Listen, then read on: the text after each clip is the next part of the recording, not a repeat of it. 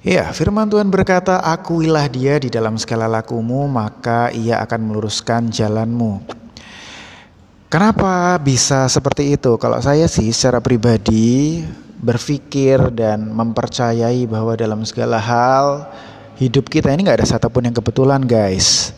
Jadi hidup kita hari ini ada sebagaimana kita ada. Semuanya itu karena Tuhan yang menyertai kita. Semuanya itu karena Tuhan yang uh, memberkati kita dan membuat kita tuh ada di mana kita berdiri saat ini. Tuhan yang tuntun kita Tuhan yang buat kita ini bisa mencapai apa yang bisa kita raih saat ini. Masalahnya adalah sering kali kita ini lebih suka menuruti apa yang kita inginkan daripada menuruti apa yang Tuhan mau.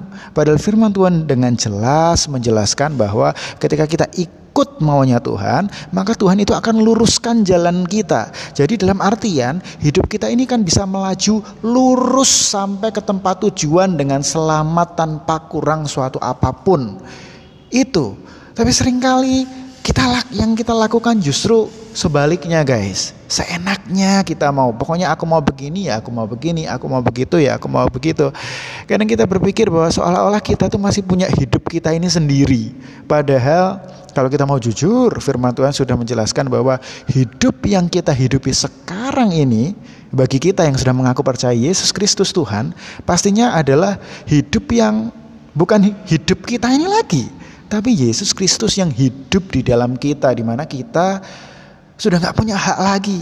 Tapi Kristus yang hidup di dalam kita, jadi sudah sepantasnya, sudah seharusnya, sudah sebaiknya hidup kita ini hanya untuk kemuliaan nama Dia.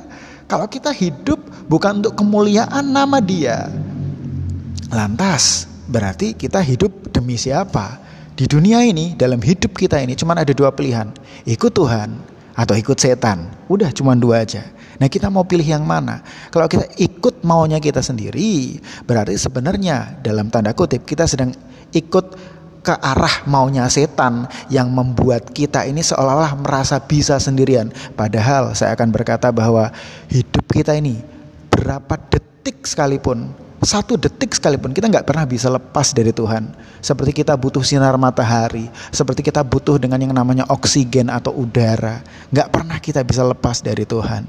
So hari ini saya mau ingatkan kepada setiap kita yang hari ini uh, mendengar apa yang saya sampaikan ini terus mengakui Tuhan dalam segala laku kita, terus mengakui Tuhan dalam segala yang kita kerjakan. Begitu kita lakukan itu, tepat kita mengikut sertakan Tuhan dalam segala yang kita kerjakan, maka Tuhan kita Allah, He is God, He is God who create heaven and earth, dia Allah semesta alam, dia yang akan menuntun jalan kita, yang membuat yang mustahil itu menjadi tidak ada, yang membuat yang tidak mungkin itu menjadi suatu kepastian.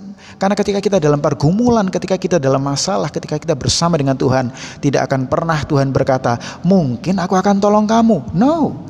Tuhan akan berkata, "Pasti aku akan tolong kamu." Seperti kata-kata yang disampaikan oleh Tuhan kepada Musa, "Masakan kuasa Tuhan akan kurang sih untuk kamu?"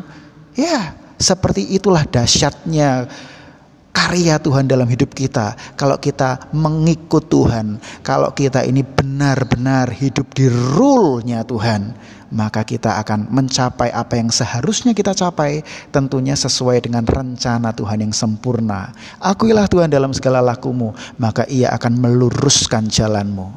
Amin.